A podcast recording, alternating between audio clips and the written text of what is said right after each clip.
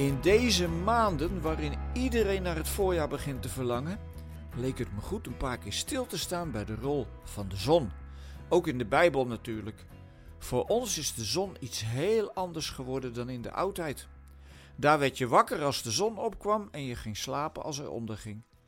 Daar hebben wij iets heel anders voor bedacht: de wekker. Of dat nou zo'n goede uitvinding is, laat ik maar in het midden hoor. Heb jij in de winter nooit de neiging om, als de wekker in het stikke donker afgaat, dat monster op te pakken en door het raam te gooien? Tja, het geeft zo'n rotzooi hè. En als je wekker op je mobiel staat, wordt het wel een hele dure grap. Maar zo'n wekker is een symbool dat wij ons door de eeuwen heen steeds meer los hebben gemaakt van de natuurlijke cadans. De afstand tussen natuur en cultuur is bij ons in het Westen vaak enorm. In de beleving van de mensen in het Oude Oosten was het ondergaan en opgaan van de zon trouwens veel meer dan een natuurlijke wekker. De zon die opkwam stond gelijk aan de overwinning op de nacht en de duisternis. En als de zon onderging, dan was dat het begin van een tocht door de onderwereld. Het is niet voor niets dat in het paasverhaal vermeld wordt dat de vrouwen vlak na zonsopgang naar het graf gingen. Er wordt eigenlijk al stiekem verteld dat er een overwinning heeft plaatsgevonden. En hoe ver wij ook van de natuur afstaan, ergens ervaren we dat ook wel een beetje.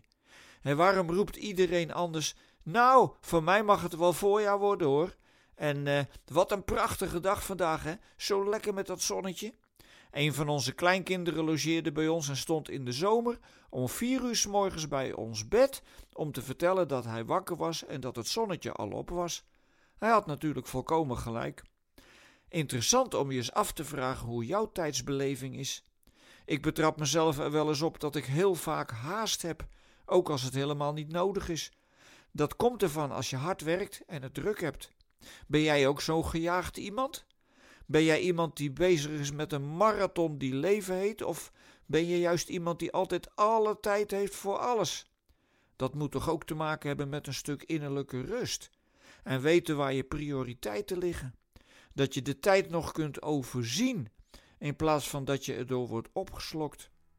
De mensen die te midden van alles wat er gebeurt de innerlijke rust kunnen bewaren, die zijn gezegend. Zouden ze die rust bij Jezus halen? Zouden ze rustig zijn omdat ze weten dat ze door de tijd gedragen worden door de schepper van alle tijd?